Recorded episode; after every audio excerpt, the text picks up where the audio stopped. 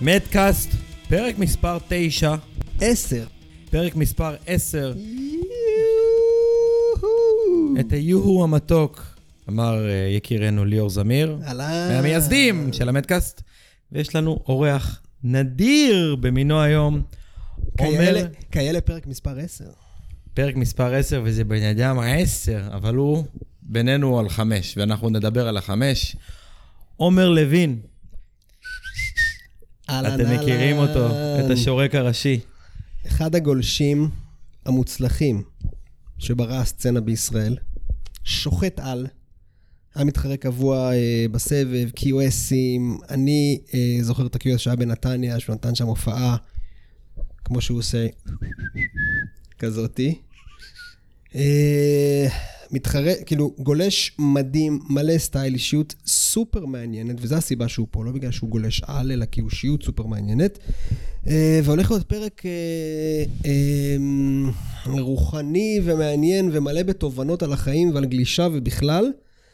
אה, ואני רוצה גם להגיד שכשהתחלנו את המדקאסט, עוד לפני הפרק הראשון שעשיתי לי רשימה של כל האורחים שצריכים להגיע למדקאסט, עומר היה ב... בשורקת. ב... בשורקת. כן, ברמת השריקות בעצם, עוד פעם, נחזור קודם כל למה אנחנו מחפשים במדקאסט. שוחטים יש מלא, אבל uh, עולם הגלישה מביא איתו גם אישיות מעבר, מאחורי הגולש ומאחורי הסטייל הייחודי והנדיר שלא דיברנו עליו, לא אמרת על זה עדיין, אבל נדבר על זה. לעומר יש סטייל ופשוט כיף לראות אותו גולש, אבל עם זה באה גם אישיות צבעונית, מלאה בסיפורים, הרבה עליות, הרבה ירידות. והרבה קווים ישרים, ואנחנו פה להתחיל את הסיפור הזה, אבל לפני זה, יש לנו פינה. יש לנו את פינת השקה. שקה, שקה. החלטנו בפרק הקודם למסור דש, כמו ברדיו דש למאזין, אז יש לנו הרבה עוקבים, נאמנים ונדירים. אחד מהם הוא גולש אה, צעיר ומבטיח, power surfer שאני מאוד מאוד אוהב, super style, חייל בשם דור ביטון. אני מת על דור ביטון, למה? כי הוא רוקר, הוא מנגן בגיטרה, yes. והוא מוציא מלא מלא מים מהגל. מלא. אוהבים אותך דור, אתה תותח, ואתה באמת חלק מהעתיד שלנו בארץ. כיף והוא להיות עוקב איתך. אחרי הפודקאסט, שזה יותר חשוב מכל דבר אחר. זהו, תכלס הוא עוקב, בדיוק. תכלס לא מעניין. נכון. ותראה איזה פנים, אחי, פנים לשון פנים. כמה חיוך, כמה... אמרת פאוור בגלישה, אבל הוא בלב, הוא הכי ילד כאילו, טוב ברמות על. מדהים, כאילו אם מישהו מנצח אותך במקצה, זה כיף להפסיד לחיוך כזה שלו. כן. כן. היה לנו איתו בעצם, אה, היינו בנות ראסטר, והוא ניצח את התחרות, ווואלה, היה כיף להרים לו ולראות שהוא לוקח את זה. רייל סרפר אורגינל. אז אה, אוהבים אותך דור ביטון, שקה, יו. ואנחנו נכנסים לתוך הסיפור, צוללים רגע לחיים של אה, עומר לוין. והשאלה הראשונה, שאלה הראשונה, כמו כולם, אתה גולש. איך, איך הסיטואציה הזאת בעצם אה, התקיימה? איפה הגעת למפגש הזה עם, ה, עם הגלישה? אבא שלי, הוא עשה תערוכה לאיתן פלינדנדר בשנות ה-90, שאז איתן היה באולימפיאדה עם ה-470 וזה, סידר לו שם, עשה לו איזה אירוע כזה, אבא שלי היה מעצב תערוכות. ואיתן אמר לו, שמע, יש לי מועדון בהילטון, לב הים, תבוא, תלמד לגלוש. ואבא שלי הלך ללמוד לגלוש רוח, ואני ואחותי ישר קפצנו לאוטו ורצינו גם. אמ, תוך כדי שלמדתי גלישת רוח והכל. באיזה גיל זה היה? זה היה בגיל... אה, זה היה בגיל 6, אבל אה, אם אני הולך לפעם הראשונה שהתאהבתי בגלישה, אז אני חותך את הסיפור הזה ומגיע בגיל 5, אמא שלי עשתה, היה לה סדנה והיא עבדה שם כל הלילה והייתי עושה לה חברה. הייתה שורפת שם סיגריות כל הלילה. והיה לה איזה מעין אה, desk כזה, טורקיז, שהיה נראה כמו גלשן, כאילו עגול, טורקיז כזה. ואמרתי לה, אמא זה גלשן, אמא זה גלשן. ופה זה עוד לפני איתן, לפני אבא שלי, כאילו, אני שואל את עצמי, מה הקשר, כאילו, ילד ממושב, בן חמש וחצי, רואה צורה של גלשן, כאילו, איזה מושב גדלת? איפה? די חמד. זה ליד כפר סבא. וכאילו, כל פעם נתקע לי הסיפור הזה של איתן, אה, לוויה, מילטון, אבל כשחיפשתי את עצמי, אמרתי לעצמי, רגע, זה הסיפור שלי, בלי שום קשר לאף אחד, בלי קשר להורים וכאלה. המפגש הראשון היה עוד לפני בכלל. כן. ואז אימא שלי, שיגעתי אותה, והיא אמרה לי, לא, זה דיקט, זה שוקע, זה זה. אמרתי לה, לא, ננסה, וזה. חתכה לספוג בצורת ריבוע. top ש- שחור, למטה סגול, ובימי שישי היינו בזבולון על הדשא יושבים, ואני רצתי ככה עם הריבוע הזה. ואני זוכר מישהו עם גלשן של מוסה, חרבות גבוהות כאלה, Astrodeck ג'יפה כזה של מה זה, פעם. סליחה עומר, אתה בן 6, 5, איזה כן. שנה? איפה אנחנו? אני נולדתי 89, אז זה כזה לפני רצח רבין, 95 כזה. ו... אחרי. וה- אה? רבין 94? חמש? נובמבר, כן. נובמבר אחרי זה 95. לפני- יא, יא. אולי זה היה באוגוסט, חרטא כאילו. וסתם, ואז כאילו אני עם הקצפים, עם הריבוע הזה, עם הספוג, ואיזה אחד כזה, דמות של גולש של פעם, עם שיער ארוך, רץ וזה, ואני מצליח להסתכל כל פעם, לא משנה באיזה גיל, אני מצליח לראות את עצמי מהצד. והוא ראה ילד עם עיניים משתוקקות, והוא עשה לי כזה, יאללה, עלה למעלה. ואני זוכר שהסתכלתי למעלה, וכאילו ראיתי שקורה שם משהו מעבר. שיש שם איזה עניין. ומה זה רציתי כאילו להבין את זה? ואז איכשהו בסוף הגעתי לחוף הילטון, למדתי לגלוש רוח, ומעבר למעגן שלומדים בהילטון לגלוש רוח, יש שובר צר, ומאחריו יש את טופסי. ומהר מאוד, אחרי כמה שיעורים של גישת רוח, קלטתי שבטופסי... שם יש קורה העניין. חבר'ה שגולשים, ויש שם אנרגיה וזה. גלישת רוח היא סטנדרטית, סאחית כאילו לגמרי. וזה כמו בוגי. או שאתה פסיכופת, או שאתה סתם בוגיסט. ככה זה גישת רוח. או שאתה פסיכופת, או שאתה כאילו... מפמפם בדרך אל. התואר. ואז, בגדול, אה, בלי שום קשר שאנחנו יושבים פה מול ארתור, אני הלכתי איפה שהסוכת מציל של טופסי, ואז יש לי את הזווית כאילו לראות את הגולשים. ואני זוכר אה, בחור עם וסט, שורט כזה צבאי, ואני זוכר כשכולם צועקים עליו, כולם כזה, אה, דה, זוז, זה. אה, אחרי זה שהבנתי גלישה, הבנתי שפשוט היה שם מישהו שתפס את כל הגלים, והאנשים כאילו מתעצבנים על, אתה יודע איך זה, מי שלא מצליח מאשים את האחר. ואז הסתכלתי ואמרתי, יואו, זה כאילו היה הפעם הראשונה שראיתי ש, ש, שזה עשה לי את הוואו. כמו שתגיד, אה, הפעם הראשונה שראיתי את רסטה על טווין, וזה אמר לי, כן. בא לי טווין. הערה. אז פה כאילו זה הגיע דרך ארתור, בצורה כאילו הכי אותנטית אני שיש. יוצא מהחדר הבא. לא נעים לי. ואז הוא עשה 360, ומהרגע הזה הוא יכול לספר לכם שהתחיל להגיע ילד, שבא לו כל פעם להסתכל לו בעיניים. ארתור, תעשה 360, ארתור, תעשה 360. יואו. מסתכל עליי, והוא, אתה יודע, שיגעתי אותו, והוא מצליף תמיד עם הידיים שהוא חותר. היום הוא כבר לא מצליף, כי הוא רוצה שתבוא, תיכנס. פעם הוא לא היה נותן להיכנס, כאילו. אני עוצר אותך שנייה, אומר, בצד שלי, הוא מדבר על זה, אני הייתי קקה. ואומר, מצליף ודוחק החוצה, הוא היה בשבילי ילד מציק, זוז ממני, אל תציק לי, אני גם... זה איזה גיל, זה איזה גיל צעיר בשבילו, כזה, ואני ילד, אתה יודע, לא יודע, 90 ו... לא, גם לא היה אז ילדים בגילאים האלה, אז גם- חיפשת למישהו להתחבר. כן. זרקו אותי, ל- זה היה ב-90 כבר, 96, 7 כבר. אני חוזר לתקופה הזאת, אני גם חוזר לפודקאסט של שלומי, הוא דיבר על תקופת המאצ'ו, אמצע ה nineties, אתה יודע, זה אגרסיבי, כן, כן, זה הארדקור. להוכיח את עצמך, אין, אין ילדים בגילי כל כך, אני עם הגדולים, אני זה רק קשוח, כאילו. כן. זה מה שאתה יודע. תפוס את המקום שלך. אחר, ותפוס את המקום שלך ברור. ב peak. לגמרי. וארתור יכול להגיד שאני הייתי בצד, לאט, לאט. הגלישה היא לא עכשיו אה, מישהו בתחרויות, תמיד היו חושבים, אה, הילד שמגיע עם אמא שלו ועולה לפודיום עם כל תחרות. זה היה לאט לאט, זה לא היה כאילו, ארתור הוא זוכר אותי בצד של טופסי ובצד של ה left של הילטון. בצד של הילטון זה היה להסתכל על הזייתוני, כאילו גולש לכיווני, ב right של טופסי זה אורן, ארתור, אבל אורן בתקופה הזאת גם גלש פחות, פחות ראיתי, זה היה גיא וארתור יותר, וכמובן כאילו מישהו שאני חושב ששאבתי ממנו מלא, זה גבי ליפץ. מבחינתי, הוא כאילו, הוא הדבר שאז, ארתור אמר קשה להיכנס וזה, אז הוא הסטייל שלו, כזה עדין, כזה יפה, וגם היינו כל היום בחנות של צביקה, של הסקט, ובן יהודה. עוד לפני Borderline ו Water Creatures. זה היה כן, זה free היה- style בבן יהודה. כאילו תביא. מדבקה של, אה, איך קוראים לטיפות האלה, הטיפות של ה skate, איך קראו לחברה הזאת? World Industries. World Industries, כל הגלשן שהיא גלשן של מוסה מפוצץ, World Industries.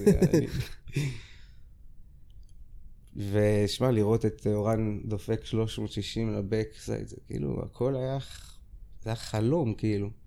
היום זה כמו, היום אתה צריך לדרבן את עצמך, כל היום להדליק את עצמך וזה, אז זה היה כאילו...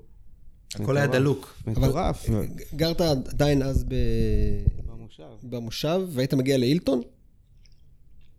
כי אבא שלי אה, עשה מנוי אצל איתן בלב אה, הים. אז הוא היה מביא אותך, כאילו.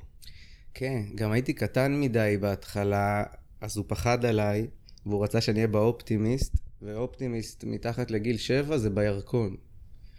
אז ממש שנה לפני שהיה את אסון המכבייה, ואנשים אה, מתו בירקון, אני שטתי אצל אילנה קלינגר בירקון, התאמנו על צלילות, התהפכויות, לסובב סירות. וש, ושנה אחרי מתו אוסטרלים ואנשים באותו מים, ואני אומר לעצמי, כאילו, שעבדתי על התהליך, כאילו, אה, למצוא את האיזון והכל, כל הזמן אמרתי, בואנה, אולי הצלילות בירקון, היה שם איזה משהו. עכשיו זה אולי." חומר. ואז כשהייתי קצת יותר גדול, יותר גדול.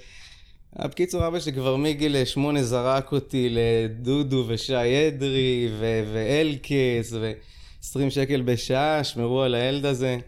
רואה אנשים דופקים ג'וינטים, ואני בן שמונה ואני כבר מבין את המשחק כאילו מאז. אבל תמיד התרחקתי מזה, כאילו, הנפש לי ידעה שזה too much, כאילו. כן. זה ייקח אותך למקום אחר, שאתה לא רוצה כן. ללכת אליו. קצת קדימה בזמן, כבר התחלת לשחוט באילטון, לזוז אה, יפה על הגלים, ותחרויות וכאלה, כמו שאמרת, כל אה, תחרות בפודיום, אה, ההתחלה לא. שלו. ההת- ברור, וואי. כל אחד כי עבד- התחלתי עבד- גם- עבדת קשה. התחלתי עבדת בגיל קשה. 12, ואז היום זה מסודר יפה, יש את האפרוחים, 14, 16. אז זה היה בן 12 מול יעקב גבאי בן 17, כאילו, או קובי מנצור בן אה, 18. זה לא, שש תחרויות, חמש תחרויות ראשונות, עפתי מקצה ראשון, ברובם גם עם פסילה, כי בסוף כבר התעצבנתי שלא הצלחתי, ותמיד שיש צפירה, אתה אומר, יאללה, עכשיו אני גולש, כי כבר אני צריך לצאת. ודווקא בקונטיקי, בתחרות של ביץ' האוז, זה היה הפעם ראשונה בגיל 14 שעליתי לגמר. אני זוכר כאילו ניצחתי את אלון עברון מנתניה, הרגשתי גבר, באתי לניר בת... תעשה לי עוד גלשן, כאילו, הכי גבר של העולם, אחי. על מה היית גולש באמת? אני התחלתי, ב... נקרא לזה גלשנים אה, רגילים אחרי האסכולה הזה.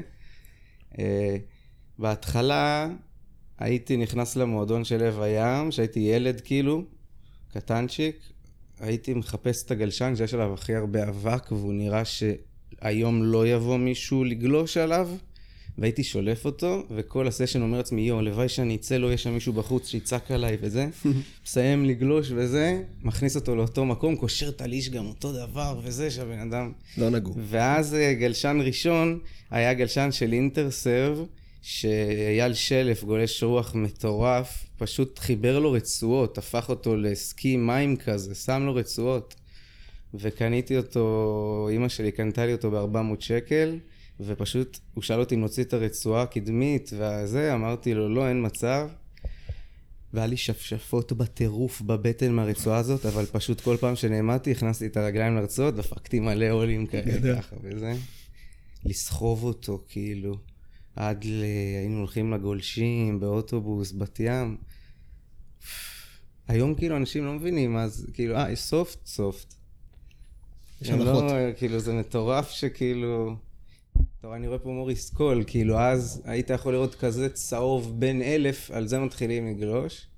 והיום עם, הס, עם הסופטים וזה, זה הרבה יותר אה, נגיש. בגלל זה כבר אחרי שנה יש לך אלף אנשים שיודעים לגלוש במים.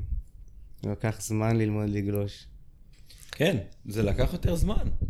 לא היה לך כלי שילמד אותך את הטכניקה גם הבסיסית. לא היה לך מורה לגלישה או או הקונספט של קייטנת בגלישה, לא היה כזה דבר. הסופטים הראשונים באו בסוף ה nineties. לא היה, לא היה כניסה קלה, לאף אחד. תגיד לי רגע, ו... אז אוקיי, אז זה היה כאילו גיל העשרה כזה, המוקדם שלך? 13-14 כזה, תחרויות, סבב, עניינים. מתי אתה מסתכל החוצה, אה, תחרות בחו"ל וכל זה? כשהייתי אה, בגיל גיל 15, טסתי עם אה, מור מלוקה ל J-Bay, והיה שם אה, pro junior של הליגה האפריקאית. והגעתי ב pro junior הזה לרבע גמר, וממש שמחתי כי ג'ורדי סמית הפסיד ברבע גמר גם, לא יודע, הוא פשוט נרדם שם.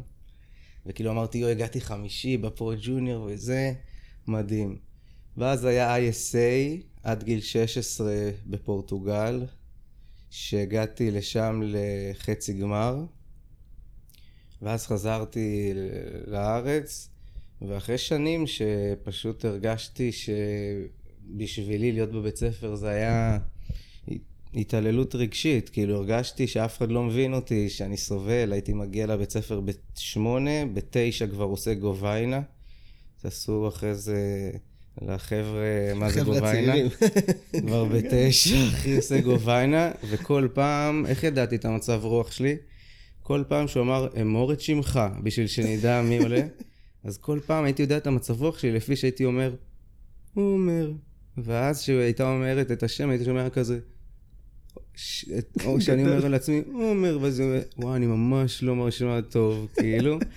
פידבק מעצמך. ואז כאילו אחרי, זה, בוא נגיד שזה הציל אותי. השני תחרויות האלה, הדרום אפריקה ופורטוגל, הציל אותי, כי זה נתן גושפנקה שאני יכול לבוא לאימא שלי ולהגיד לה, שמעי, יאללה, בזה אני טוב. בזה אני טוב, ויוצאים לדרך, זה כאילו, ה... זה הדבר שלי. תגיד, אתה- מגיל 14 לא הייתי בבית ספר. אני רוצה רגע, אני רוצה רגע לקטוע אותך.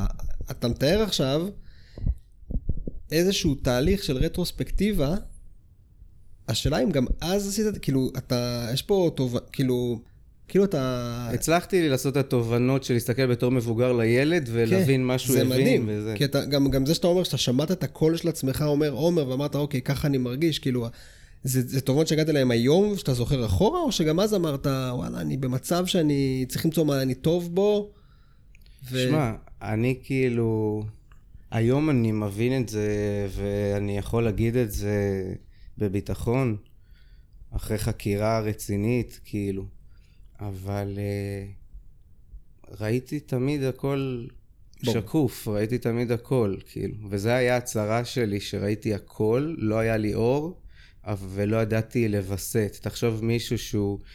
יש עיוור צבעים, ותחשוב בוא נגיד מישהו שרואה מלא נכון, צבעים, על הספקטרום. רמת הספקטרום בוא נגיד כמו אוטיסט, וזה מפרק אותו, נכון. זה משגע קשה. אותו.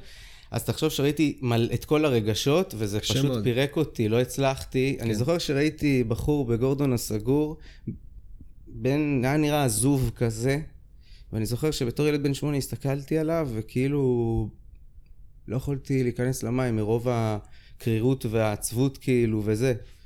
וח... וזה היה בעצם התהליך שלי, לדעת... גיא גורילה? לא, גיא דווקא הוא בא לי ממקום אה, של אח גדול. הילד ההוא היה... זה קטע. וכאילו, כל העולם התחרותי והמטרה שהייתה לי מול העיניים, היא, היה הדחק, היא הייתה, היא עזרה להדחיק, היא הייתה מנגנון הגנה טוב. לא, זה גם יכול להיות, אפשר להגיד שזה פיקס אותך והזיז את ההפרעות הצידה, זאת אומרת, היה לך איזושהי אה, מטרה. כאילו הרגשתי את ההפרעות, אבל כל הזמן נלחמתי בהם ולא רציתי, אתה יודע, פחדתי גם להבין אותם. היום, אתה יודע, מדברים על חרדה ודברים כאלה, זה ביום-יום. פעם, כאילו, לפני שהיינו צ- נערים, מישהו, אתה לא מדבר על חרדה, זה כאילו... לא, זה, זה, זה גם בזמנו, אני חושב שהרפואה הפסיכיאטרית לא הייתה כל כך מפותחת כמו שהיא היום, והמודעות לדברים האלה. ברור. ואנחנו קופצים קדימה לסיפור של אנדי איירונס, כאילו, שזה לחלוטין מקרה מראה דומה שנגיע אליו עוד בהמשך, אבל אז, כאילו, גם על אנדי לא אבחנו אותו כ... לא הבינו את הסיטואציה. בסוף. נכון, כשהוא מת, אמרו, הוא היה חולה מאניה דיפרסיה. נכון. לא הבינו את הסיטואציה. תחשוב, אני הדור הראשון של הדברים. הרטלין, הם לא הבינו עדיין מה הם עושים. ורטלין, שידעו, כאילו, כל אחד לגופו. אבל רטלין, כמו שהוא יכול לעזור, שמפסיקים, פתאום גיל 18, הוא מלמד אותך דאונים כן, מטורפים. זה יכול להיות סתירה רצינית. זה ממש כאילו, זה עושה תלות, ואז כשאתה מפסיק זה עושה לך כאילו מטורף. עומר, בוא נרוץ שנייה לתוך הזה. אז סבבה, עשית את ההחלטה, אמא משקיעה את כל מה שיש לה, ואתה מתחיל להסתובב באירופה בין 16-17. לא, כבר אחרי 15, אני יודע, yes, no, where are you from, 2 o'clock, 2 o'clock, what is the time, Israel. high tide, low tide. אה, אז high tide זה היה כבר שפה גבוהה, כאילו, מי אז ידע עכשיו לבדוק high tide, לא high tide. צרפת היית הרבה, אני זוכר שראיתי אותך ככה שם on and off. זה כבר, שאתה ראית אותי, כבר הייתי בן 18. כן, כבר, אני זקן, זוכר. כבר היית בעניינים, אתה כבר מכיר. הייתי מגלח. את השפם, אחי. כמעט הרגת אותי באיזה גל שם, עומר, בסשן ההוא באוסגור, עברת מעליי, דפקתי שם duck dive של החיים. ראיתי אותך בפוקוס, אתה יודע, יש גם סצנה נורא תחרותית, כאילו, בצד של התחרות, אבל כל המקצוענים במים שם בזרם הזה, כן. זה מקצה.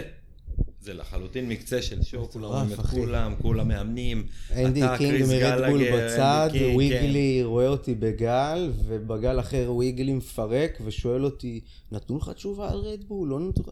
ואני אומר כאילו, בואנה וויגלי, אתה שוחט, מה אתה שואל אותי כאילו מישראל עכשיו על Red Bull וזה, כאילו כולם, כמו שאתה אומר, באטרף. זהו, אז uh, סתם קצת אנקדוטות מהתקופה ההיא, כבר התחלת, אתה יודע, להתברג, להסתובב עם זה ולהסתובב עם זה, ואני זוכר איזה קטע הזוי, אני לא יודע. אני חושב שאני יושב, עושה איזה עבודה בארגון, יושב על המחשב, סטפני גילמור? לא. ניר מתקשר אליי, אומר לי, ג'וש קר על גלשן עכשיו של אינטרסרף. זה הפורטוגל או ספרד? אריסרה, שש פריים פה. באריסרה. מה, תספר את הסיטואציה הזאת, שפתאום ג'וש קר מתחרה על גלשן של אינטרסרף.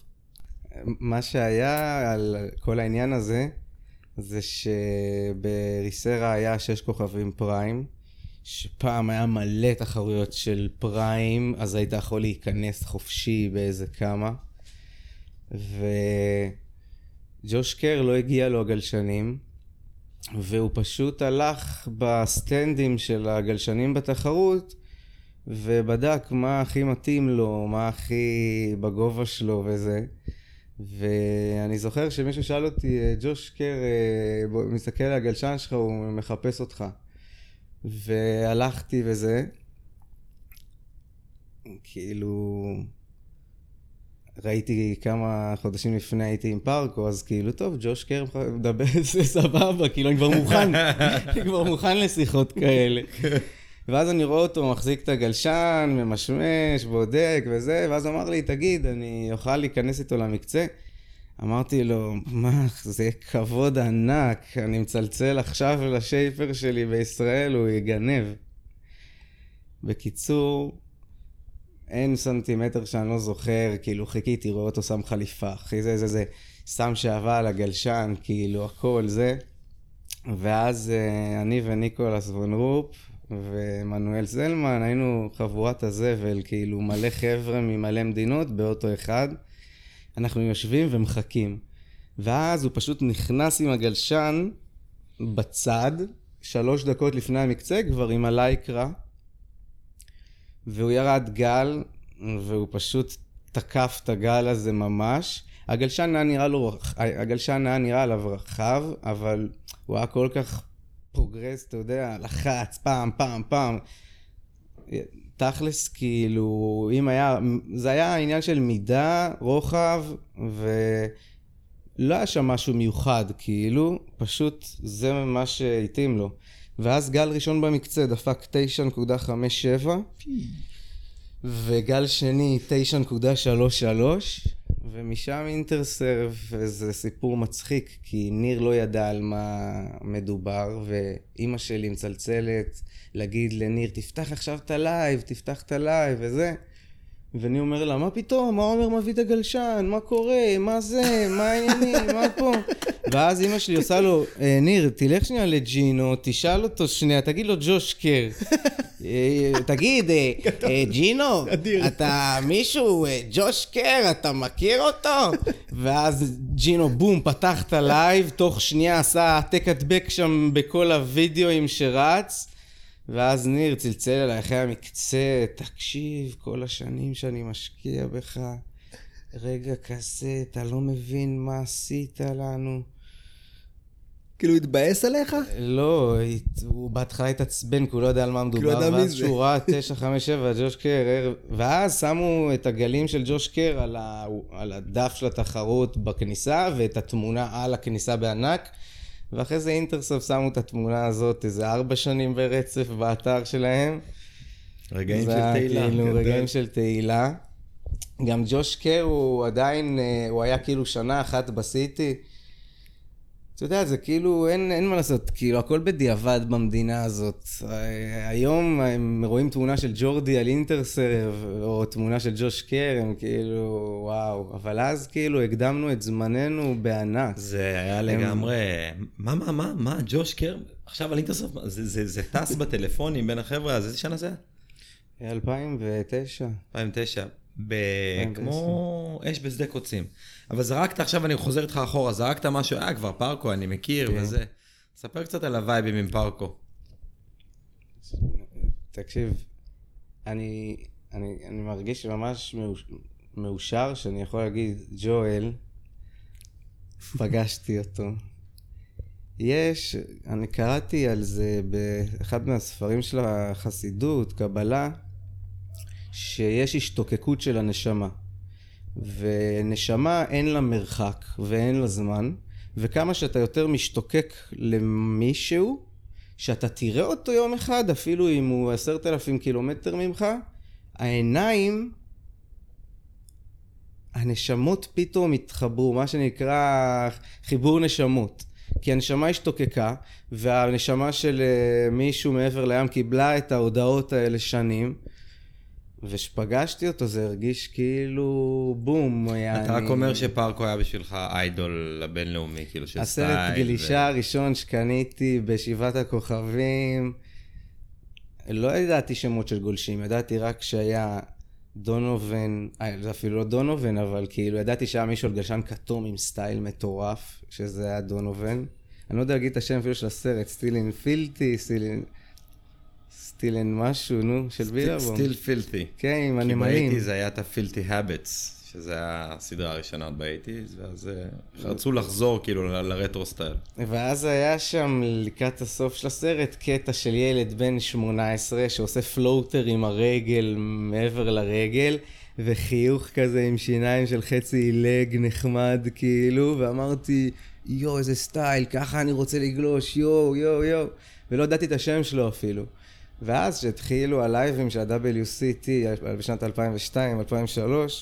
הייתי כאילו רק חכה אז ברגע שנפגשנו באוסגור, וזה היה בבית של בילבום כזה, בית שבור, חבל על הזמן של גולש בשם קאווין אה, וויליאמס, שהוא אירח שם תמיד את הגולשים, וקאווין היה חבר ממש טוב שלו. והיה שם לילה הזיות. היה הקרנה של הסרט שלו עם הכלב, פרי איזה דוג, והכניסו את פרקו, ל... נתנו לו כאילו חדר בגולף של איזה אלף דולר ללילה, הוא פשוט השאיר שם את המזוודה, הוא היה בלי הילדים, הוא בא לבד להקרנה הזו, ונכנס עם קאווין ואיתנו לאוטו שבור, בקטע שסם קרייר ומלא אנשים בסוף הלילה נכנסו לאוטו, ואני ומור מלוקה בפגאז', זה היה קטע, כאילו, מלא פעמים בפגאז'. ואני זוכר שאני רואה גיצים יוצאים, כי הפלסטיק של, ה, של הצמיג וזה, כאילו הבולמים סגורים, מלא אנשים. זה היה לילה דפוק, ניצ, ניצח, אז שיחקנו פינג פונג, מי שמפסיד דופק לטמה לטוסיק, כאילו של השני, אתה צריך להוריד את המכנסיים, לעמוד על הקיר, ומור דפק לפרקו אחת לטוסיק, השאיר לו שם עגבנייה על התחת. ו- וואלה, שווה להסתובב שם ב-QSים וה-CT.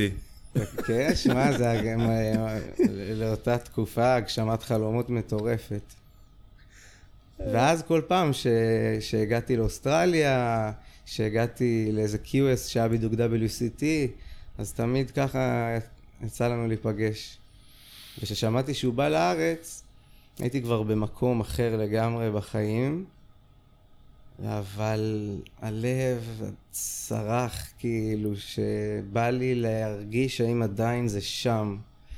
ואמרתי, אין לי כוח לדחוף את עצמי, מה שצריך לקרות יקרה וזה. ופתאום בועז תמיר שולח לי הודעה. אה, ג'ואל הגיע והוא, והוא רוצה לפגוש אותך, הוא שואל עליך מה וואו. קורה וזה.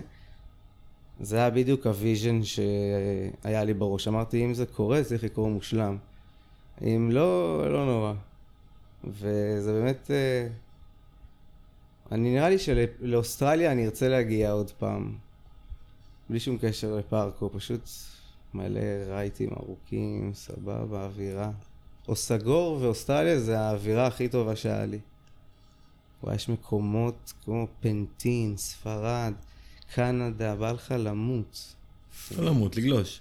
לא, בא לך לדיכאון. ביום שעוברת התחרות והכרטיס טיסה שלך, עיר לעוד רפאים. יומיים, הופך לעיר רפאים. תקשיב, דיברנו על מניה דיפרסיה. כל מי שחווה את הסבבים האלה, נגוע ב... תקרא לזה up and down, כן, זה high and lows לזה- שהם אה, קשים. אין, כאילו כל מי שחי, לא רק בגלישה, בכל uh, תחום, מי שחי כאלה up and down, סדירים של חודש up, חודש מת, חודש מאוד. up. קשה כל- מאוד. איך השחקנים היום וכל האמנים וזה, הם למדו יציבות, כי החמש חמש חודשים היה דאון, אז הם למדו אולי איך להיות, אבל זה מה שתמיד אה, מלחיץ אותי. כאילו, אני יודע שאני נהנה מהרבה דברים כאלה, אבל אני צריך תמיד לחשוב אה, עכשיו איך אני עושה את זה נכון בשביל לא לפגוש דאונים. ו... עומר. האמת שדאונים זה במסע פחות קשה מאפים אה, גדולים. אבל גם, אה, גם המעבר הזה הוא מעבר קשה. אני זוכר שעשינו את ה-QS הראשון בארץ, והיה חודשיים של אה, אטרף, אטרף, אטרף, אטרף, אתה זה, ואתה ואתם אומר, וואי. עשיתם הפקה של WCT. ואתה, כאילו. כן, ואתה כאילו אומר, וואו, אני עושה פה משהו שהוא כאילו לא נעשה אף פעם, ואתה חווה אותו כאילו כל שנייה וזה וזה וזה וזה, ואז שלושה ימים לפני סוף התחרות, שהכל כבר רץ, וכבר אתה פחות פעיל, כי כבר הכל רץ, אתה פתאום מתחיל להרגיש נפילת מתח מטורפת. יומיים לפני הסוף אתה, אתה, אתה כאילו אומר, משהו כאן לא, לא מסתדר לי בראש, וביום האחרון אתה בדיכאון על. וזה כאילו, אם, אם הרגשתי מתישהו דאון כזה רציני, זה היה ביום, הר... ב... ביום האחרון של ה-QS הראשון שעשינו. או גם אחרי הלפסט שהגענו הביתה. כן, אבל זה כבר, ידעתי לתרגם אותו. כן, ידעת להתמודד ולהבין מה כן, אתה עובר. ידעתי לתרגם אותו ולהבין מה קורה, אבל כן, זה קשה. הייתה, הייתה לי גם, אה, טיילתי קצת עם יובל ושלומי, יובל בנה ושלומי בקוסטה ריקה. נדבר בשיחה הזאת של משינה גם, והוא אמר, אתה יורד מהופעה של אלף, אלפיים, חמש, עשר אלף איש, לחדר ריק, כן, קשה. וזה אתה עם עצמך. ואתה צריך להתמודד עם העליות והירידות האלה כל הזמן. אני חוזר לסיטואציה שלו אומר, CT כבר הילד מתמלא בביטחון, חוזר לארץ, הוא מהמובילים, ספונסרים, שחיטות, רוורסים כבר, צילומים, וידאוים נונסטופ, כאילו הלהיט הבא. ואז נכנסת לקטע הזה של, אני זוכר שראיתי אותך בתל ברוך, באיזה סשן, ואז התחילה הסדרת ריאליטי הזאת, לא זוכר איך קראו לה, TLV, ואת עדיין במשחקים של התחרויות. ואני זוכר, אמרת לי, חכה, חכה, משהו גדול הולך לבוא. אני הולך, משהו כזה. ואני חושב שאז, או קצת אחרי, אני חושב שאולי האיזון המאוד מאוד עדין שתמיד ניסית לשמור עליו עם עצמך הופר. נראה לי. אולי זו הנקודה, או אני סתם כזה זורק את זה לאוויר, אולי זה לא, אבל אני שואל שאלה בעצם, לא, אולי יודע, השילוב העוצמתי הזה של גם לחיות ב-QS עם הדחיפה האינסופית העצמית הזאת להגיע לאירופה ולהוכיח את עצמך, וגם פה בסצנה המקומית של הבידור, תל אביב, כאילו הלייפסטייל, ה... כאילו ה... לא, פרשנת, אה, אני אומר, אה, הגשת את זה מדויק. העניין הוא, זה... אני במחשבה הראשונית הגעתי לכל הסיפור הזה כי שנים שאתה מחפש אה, ספונסר ותמיכה ולא לצאת ולהתקלב ברמות ולעשות הכל כאילו על הקצה מבחינה כלכלית כל הזמן ראיתי תוכניות ואמרתי בואנה, כאילו היא מנענעת את התחת ואחרי זה היא עושה קמפיין ויש לה בוכטה. וואלה, אני אחפש איפה לנענע את התחת בגרשיים ואז כאילו אני אעשה את התוכנית ואחרי זה אני אעשה איזה בוכטה קטנטונת שיכולה לעזור לי אולי לאיזה שנה של אה, תחרות. זה הגיע ממקום של אחרי המון שנים שחיפשתי ספונסרים וזה, זה הגיע ממקום של אוקיי עכשיו זו ההזדמנות שלי, לא, מה, לא מענף הגלישה אבל נבוא ננסה לגייס פה משהו. בלי שום קשר אני גם לא את זה שהנשמה שלי הייתה כאילו בטירוף של תראו מה יש פה. אחרי שיש הרבה שנים שהייתי צריך, זה היה ממקום, אתה זוכר את זה טוב, כאילו אני קיבלתי הרבה כל כך לא, שאני הייתי מסתכל לאנשים בעיניים ואמר, הייתי כאילו משדר אנרגיה של אתה הולך לראות, כאילו אני, לא היה אפשר כל כך לדבר איתי, זה היה או אני, אני, אני, זה, עשיתי לעצמי איזה מנטרה כזאת בשביל להדחיק את כל הדברים האישיים שהיו לי עם אה, אבא שלי ועם דברים שעברתי בילדות. והייתי חייב בדבר אחד שאני יודע שאני עכשיו טוב בו זה היה כאילו סוג של לבוא ולהגיד לכולם שימו לב שטעיתם. וזה מה שעצוב שהייתי צריך לעשות כל כך הרבה עבודה בשביל כאילו להגיד ולהחזיר לעצמי את הביטחון שהיום אני מבין שזה דרך עקומה, זה כאילו כמו שמישהו ייקח אה, ספידים בשביל שיהיה לו שרירים במקום ללכת ולהתאמן ולעבוד על עצמו וזה. אוקיי. למה זה הוביל, עומר? זה התחיל בזה שהפסיכולוגית של הסדרה אמרה להפקה שלא, יער, שלא יער, יער, יערבו את אבא שלי בסדרה, כי אני ואבא שלי לא היינו בקשר בערך תשע שנים, והפסיכולוגית של ההפקה אמרה, תקשיבו, אל תיגעו בעניין של אבא שלו, זה סיפור מאוד uh, כאוב ושל הרבה שנים. ובעצם מה שהסדרה עשתה, היא באה לי ברגע אחד, בלי שום הדרגתיות אה, טיפולית נקרא לזה, וניסתה להביא את אבא שלי לסדרה. עשו בדיוק הפוך.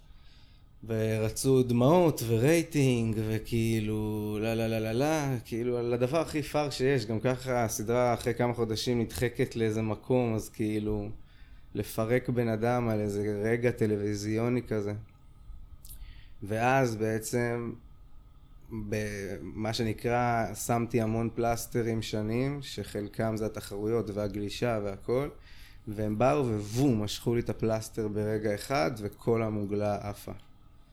זה היה בלתי אה, אפשרי לאחוז את כל המוגלה הזאת ביכולות ובידיים שלי והייתי צריך ישר לטפל בזה בצורה הכי נקודתית והכי מהירה שיש בשביל שזה לא יידרדר. כי ברגע שהזרם של המוגלה הוא חזק אתה חייב לעצור כי אתה לא יודע עד כמה חזק הוא יכול לצאת ושם התחיל בעצם החיים שם, שם נולדתי מחדש. בלידה אתה נולד קבוץ, בוכה, כאוב, ובעצם שם נולדתי מחדש. אז אתה יכול להגיד בראייה אחורה שזה עזר לך? לגמרי. היום שאנחנו יושבים, ושאלת אותי קודם, בתור ילד, איך הבנת את הדברים האלה וזה, זה הכל ברגשות. אבל בתקשורת, שיש לך רגש ואתה לא יודע לבטא אותו במילים, אין לך אותו. זה כמו שנדבר עכשיו על גלישה ונדמיין ביצועים, נכון. ובמים אני לא יכול לעשות את זה, אז בסדר, יש לי דמיון מפותח, אבל... והדרך שקרתה לי, בגלל כל הדבר הזה של הסדרה, ואבא שלי הכניס אותי לעומק שהוא מטורף. הכמות אה, ידע וכלים שיש לי היום זה... זה... אתה גם נשאר קצת לבד, כי אין הרבה אנשים שיכולים לעשות איתך שיחה שהיא תרתק ותעניין וזה. בדיוק חשבתי על זה, שאף פעם לא דיברו על אה, חברים של... אה, כאילו שמעת פעם על החברים של פרויד? אף פעם לא שמענו, כאילו... אה, אה, עם כאילו- מי הוא דיבר? זאת אומרת, מי- אתגר אותו? כאילו, לא שמענו חברים. תמיד זה נראה לנו בן אדם לבד, שפאק, שאין מי. שידבר איתו, נכון. כאילו. וגם שם אתה צריך להתחיל להגיד, כאילו, תרגיע גם בחיפוש שלך, כי אתה צריך להישאר גם פה. בסוף, אם אתה...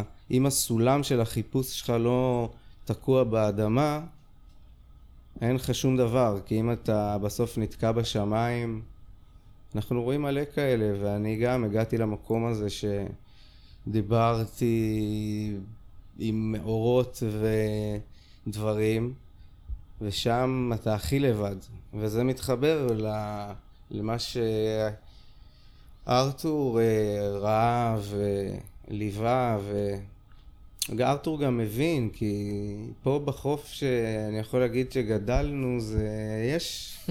יש, יש פה, יש פה כוכבים. כן. קטע שכוכבים, הקטע ש... הקטע ש... הקטע זה שכוכבים נופלים. ומתי שאתה אומר לעצמך, אני לא רוצה להיות כוכב, אז אתה במקום טוב. כן. אבל אם אתה רוצה להיות כוכב, תכין חתיכת אה, בוי כזה לזה, כי כוכב נופל, אין רשת. פה... ואז אתה מתחיל לחשוב, אולי בא לי... לי- אתה מתחיל בטבע לחפש, כמו שהנביאים, הם היו לומדים, הם לא היו לומדים מהספר, הם היו לומדים מהטבע. אתה מסתכל, אתה אומר, וואי, צמח הוא מתחיל בריקבון, ואז הופך לגבעול, ואז מתחיל להוציא קוצים וכואב, ואז פתאום פרחים. אז אתה מתחיל להגיד, אוקיי, אני לא רוצה להיות כוכב, רוצה להיות צמח, פר, משהו כאילו. עומר, אנחנו מדברים על תהליך ה-TLV הזה, זה מה זה? זה 10 שנים? 12 שנים? עשר, כן. אז אתה יודע, זה הכל כאילו באיזה רגע, אבל אתה מדבר פה על תהליך ש...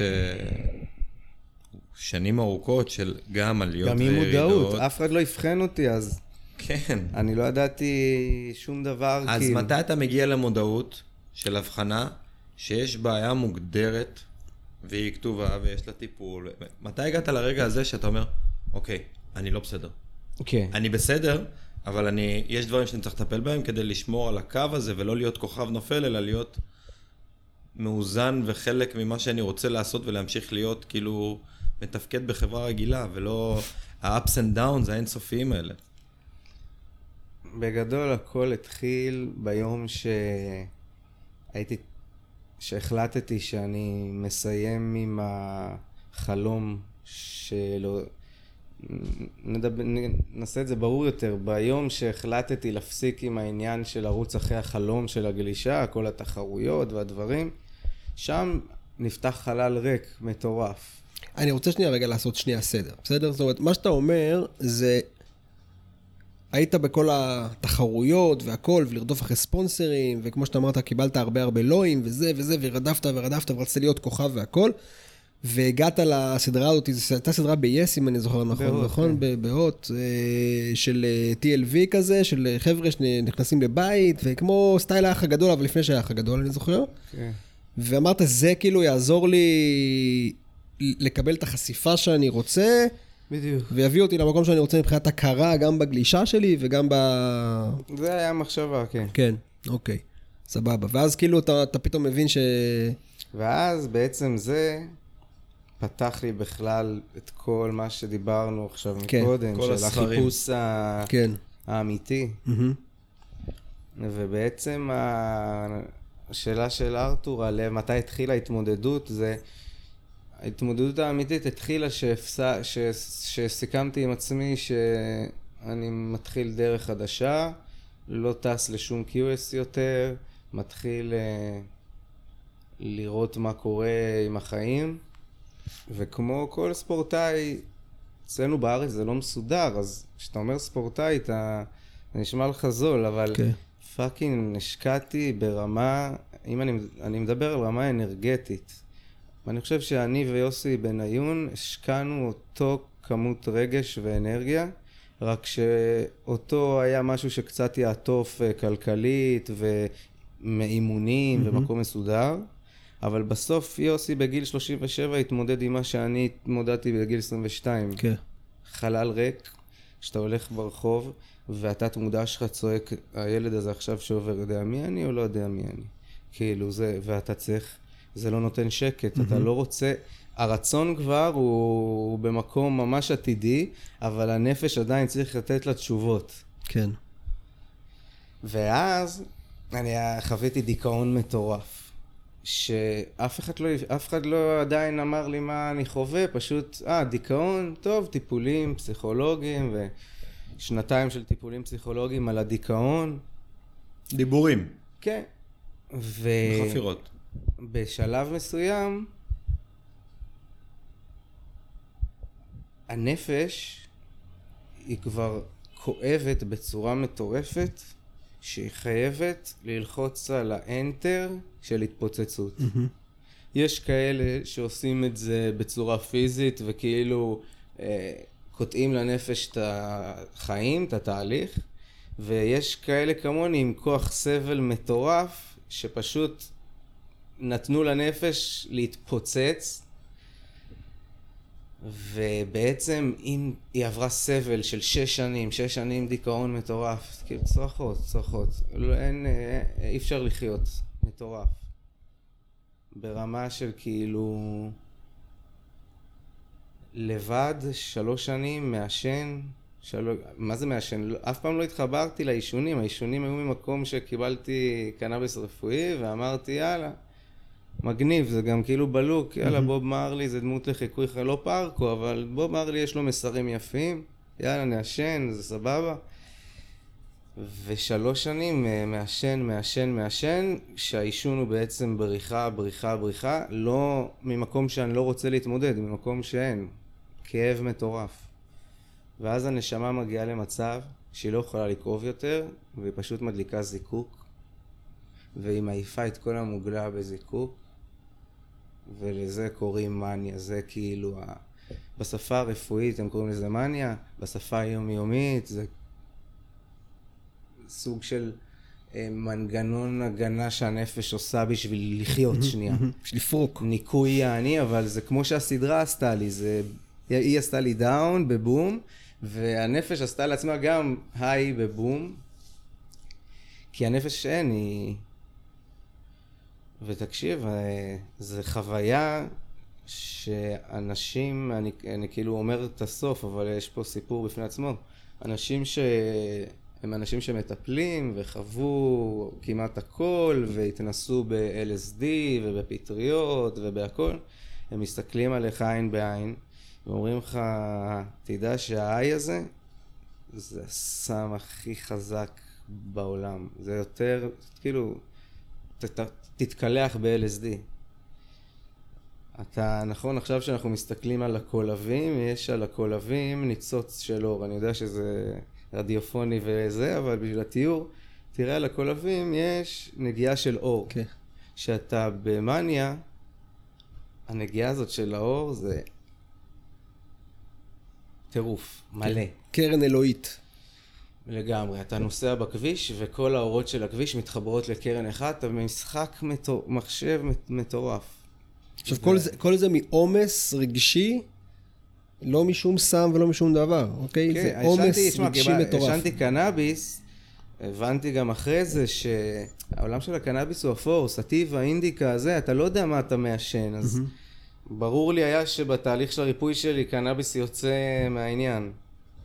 אמ, ובלי שום קשר, גם אה, היום אני יכול להגיד לאנשים, תכאב, רק אל, אל, אל תכסה את הכאב, לא בכדורים, לא בקנאביס. תרגיש אותו. תכאב, תכאב אותו, כי הוא, הכאב הוא מפלס שם חללים, זה כמו שישברו עכשיו את הקיר, ואתה תגיד אוי ואבוי, אבל שוברים קיר בשביל לצעוק פה משהו... באיזה גיל זה היה?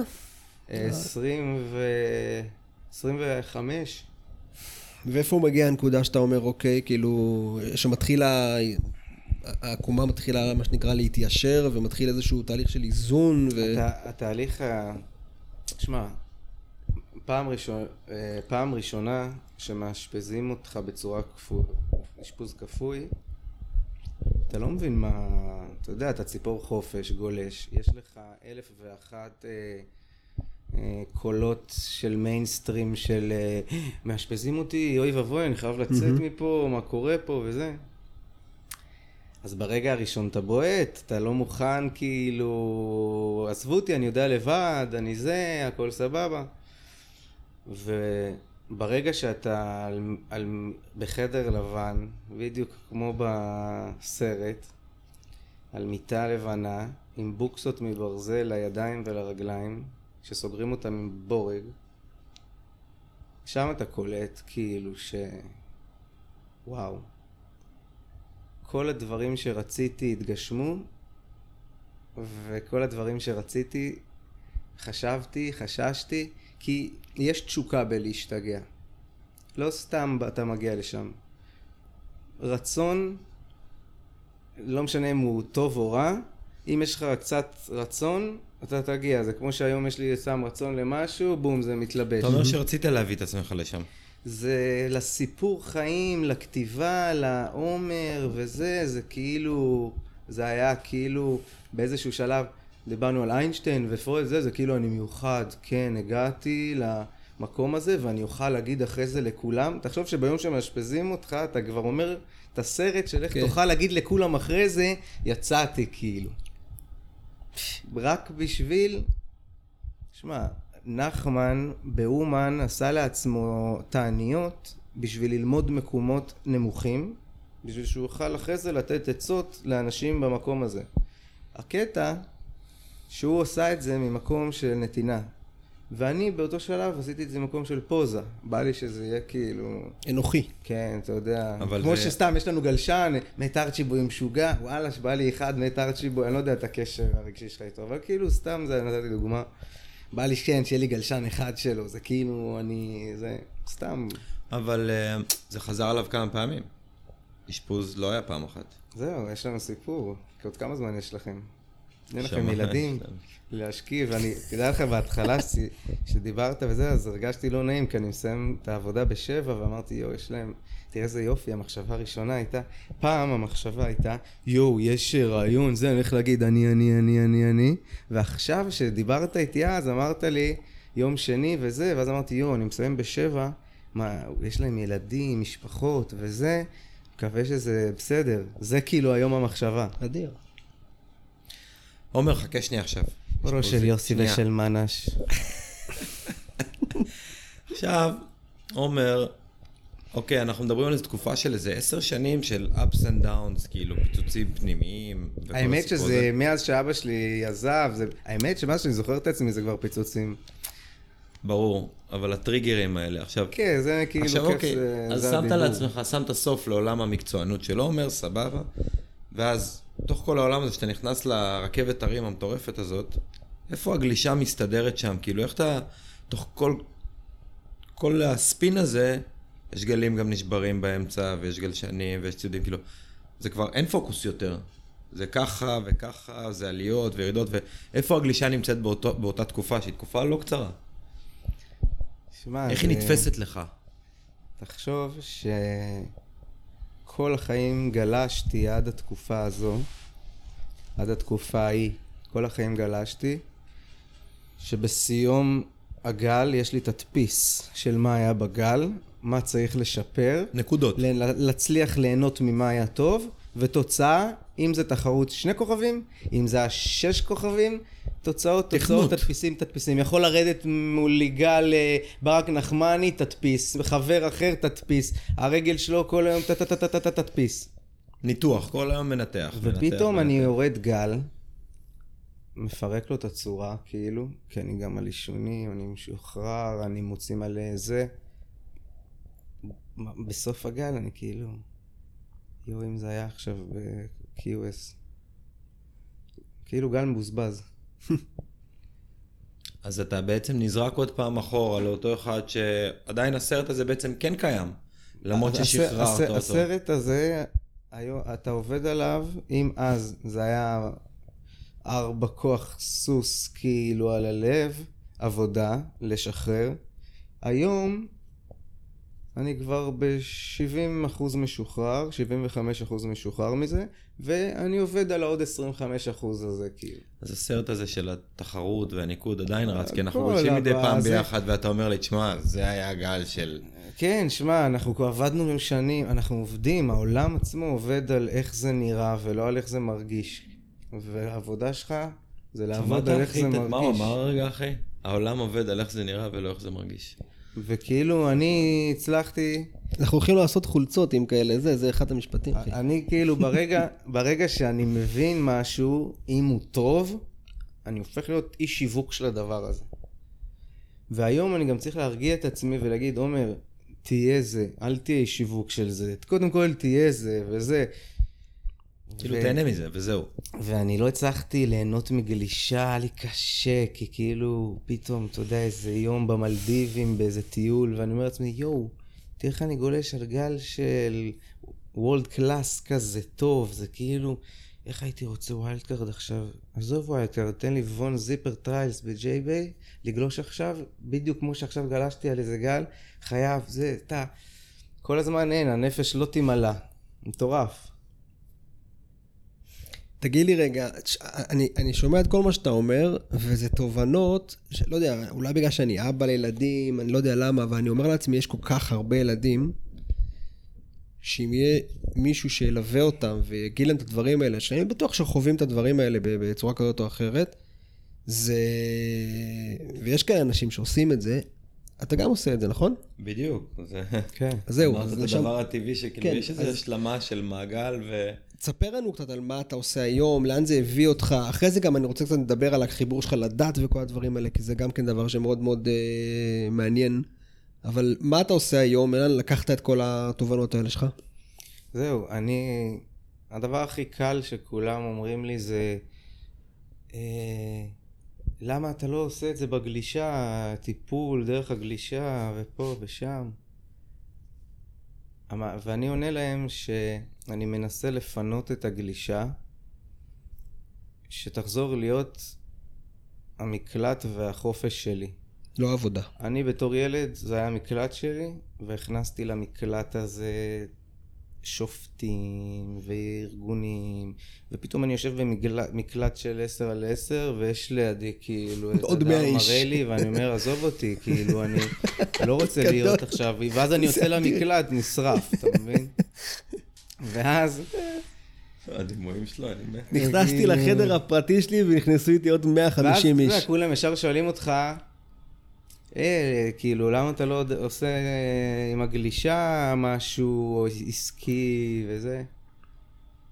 ואני פשוט אומר להם שאני רוצה לשמור את הגלישה, שתהיה המקום של החופש שלי, הטהור והאישי, ודרך השיחה שלכם עלה לי שאני לא רציתי לעשות עם עוד אנשים דברים בגלישה, כי אני עדיין בגלישה הולך, יש אנשים הולכים לישיבה ללמוד תובנות, אני צריך זמן פנוי שבגלישה אני מבין את ה-25% הזה שאני, או את ה-1000 אחוז כאילו. ובעצם חשבתי על, זה התחיל מזה שהסיפור על הסוסים הוא סיפור חיים כן, ארוך. מטפל הוא- ב... אני מטפל בעזרת סוסים. אני בעצם uh, התחלתי לרכב בגיל תשע, כשהייתי בן uh, uh, 12, um, קנינו סוס, ובוקר אחד באתי להאכיל את הסוסה, וראיתי שגנבו לי אותה. אוי. והייתי ילד בן 12 עם טראומה מטורפת, כאילו. לקחו לך את הילד, כאילו, את. זה, זה מטורף. אז עוד לא הבנתי את המשמעויות, אבל פשוט זה עשה לי טראומה, ולא יכולתי להתקרב לסוסים, נשבר לי הלב. והיום אני הבנתי שהדרך לטפל בטראומה זה בעצם לתת לה הסבר למה זה לא קרה לי, למה זה קרה בשבילי. ברגע שאתה מבין למה זה קרה בשבילי, תיקנת את הטראומה. ואז אמרתי, יו, גנבו לי אותה בגיל 12, בגיל 13 התחלתי ממש להשקיע בגלישה, ואז כל החיים הלכו לגלישה. אם היה לי סוס בבית לא, הייתי טס. לא היה קורה. זה לא היה קורה. וביום שהפסקתי את כל העניין התחרותי והגלישה וזה, פתאום הסוסים חזרו לי לחיים. מדהים. מעגלים. כן, זה לרכב על סוס או לרכב על גל. בכלל, העולם בנוי מחיק... ההנאה והכיף שבעולם בנוי מחיכוך. שאתה גולש, אתה מחכך את המים. כשאתה אוכל, אתה מחכך את האוכל בלשון. כשאתה עושה ילדים, אתה מחכך. כל העולם בנוי על חיכוך, גם כאילו הדיבור שאתה מוציא מהפה, ההנאה של מה הוצאת וזה, שירה ודברים כאלה, בנוי על חיכוך. ואז אמרתי, אני רוצה להביא סוס ולהתחיל דרך חדשה. והבאתי סוס, אה, שקוראים לו מנש. בראש של יוסי ושל מנש. אני לא משקר. לא, לא, לא, לא, לא, לא, לא. ומנש הציל לי את העולם.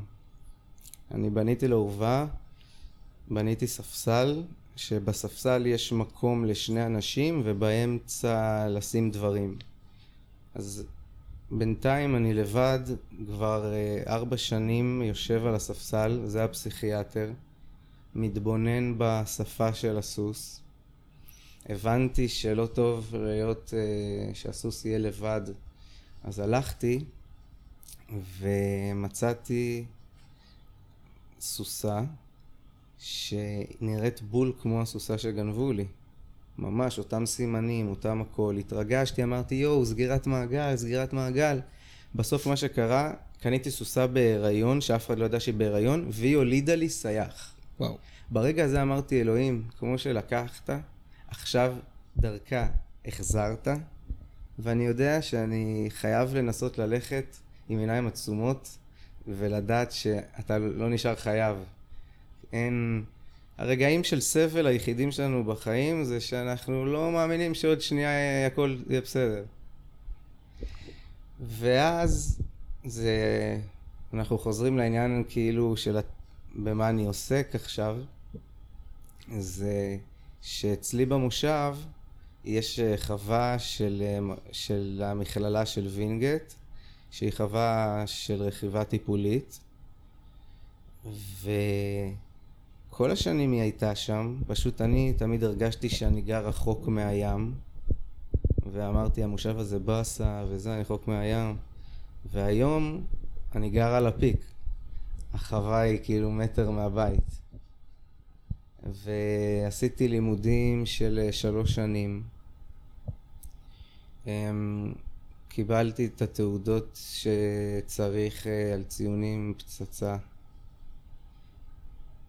ואני כבר אה, שנתיים, בהתחלה הייתי, תוך כדי שלמדתי, התחלתי כבר לקחת אה, סוג של סטאז' כמה ילדים, אתה עושה איזה שנה סטאז' כזה, ואחרי שלוש שנים של לימודים, בדצמבר אה, שנה שעברה התחלתי לעבוד בחווה. שבעצם בחווה הזאת יש את המנהל של החווה שקוראים לו גלעד בן דוד, שהוא מורה דרך, הוא בן אדם שהוא שם שני סוסים בתוך המגרש ואתה יושב על אה, ספסל איתו והוא מתרגם לך בעצם את התקשורת בין הסוסים, מה קורה עכשיו, מה זה אומר בשפה של סוס, כי בתור בן אדם זה נראה לך סבבה ללטף סוס אבל אולי ליטפת את הסוס עכשיו ברגע שהוא עשה משהו לא טוב אנרגטית, ואז טיפחת לו את הלא טוב. מה, ו... מה יש בסוסים אבל דווקא, ש... מה כאילו, מה הקטע בסוס שהוא uh, אמצעי לטיפול? הדבר העיקרי שאני חושב זה שסוס הוא מלא ברדארים נקרא לזה. בגלל שהוא חיה נטרפת, הוא חייב לדעת את השטח מעולה. אז ברגע שאתה בקשר עין עם סוס, הוא באותו רגע משקף לפי התנועה שלו את מה שקורה אצלך. והדבר שאני חווה ממנו הכי חזק, זה שאם אני מצליח לעשות תקשורת עם סוס, סוס הוא תמיד קולט דברים 4-5 שניות לפנינו.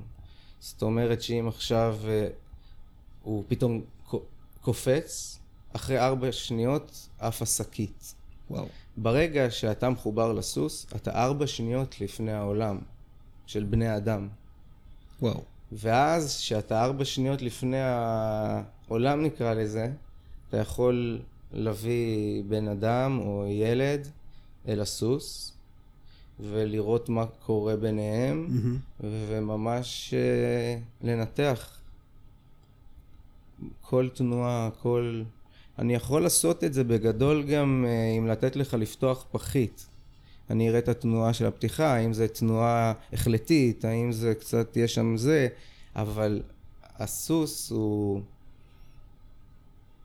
העניין הכי יפה בו זה שבבני אדם יש אינטרס. ובסוס אין שום אינטרס, זה הכי אמת נקי. אין כאילו עכשיו... אין, רציתי להיראות נחמד, אז לא אמרתי. הוא מראה לך באותו רגע. ואני צריך לעשות את המינון על איך אני מעביר לילד את הדבר הזה. אם זה מישהו מבוגר, הרבה יותר קל לי לנהל שיחה. כן. אם זה ילד, זה סיפור קצת שונה. זהו, יש לי כרגע ממש אה, לו"ז כבר אה, כמעט שנה, ממש מסודר שם, ואני כל יום, אתה יודע, כמו שאנחנו יושבים, מדברים גלישה, כל יום אני יושב, הגיעה אחת מרומניה, קוראים לה קטי. וואו, איזה ידע. מטורף. יושבים, מסתכלים על הסוסים, כאילו זה מגיע לתנועת עפפיים, תנועה זה, כאילו... אין סוף. הסוסים אחרי זה לוקחים אותך לגלישה, אתה כאילו לוקח, אנחנו מדברים בדרך כלל לקחת את הגלישה למקום של העבודה, אצלך זה הפוך. אתה, אתה, אתה, חוב, אתה עוסק במשהו שהוא מאוד מאוד, הוא נשמע לפחות, מאוד מאוד מאוד רוחני ועמוק, שנוגע ממש בפנוכו של ההנשמה, ואז אתה הולך לגלוש, שזה גם ספורט שהוא עמוק ורוחני מאוד. הסוסים משפיעים לך על הגלישה? שמע, זה משפיע לי על עניין של תחושה. כי אצלנו הצ'קרה של האהבה נמצאת באזור האגן, אה, עבר המין, ואצל סוס הצ'קרה של האהבה נמצאת בכתפיים מתחת, איפה שאנחנו בדיוק יושבים. אז כשאתה יושב על הסוס, אתה בעצם מחבר את הצ'קרה של האהבה שלך ושלו ביחד. ואז אני חוזר לדבר הכי חשוב שאני עובד עליו בחיים שלי בשביל שיהיה לי נחת וש... ו- ושקט, זה שאני חייב ללכת לגלוש, ותקופה, אה, כאילו גם אסטרודק בסוף מגביל, כי אתה תמיד הייתי כאן עם הרגל, או גם זה, או... אני רוצה כמו עם הסוס, צ'קרה לצ'קרה, וזו עבודה מטורפת בשבילי, כי אני בניתי בגלישה כל כך הרבה, שפתאום לך עכשיו תשבור את כל הקירות האלה ותתחיל משהו אחר. חדש. ואני מאחל לעצמי כל פעם, הלוואי היום, אני מול חבר לא אעשה את הבוטם שהוא רוצה לראות.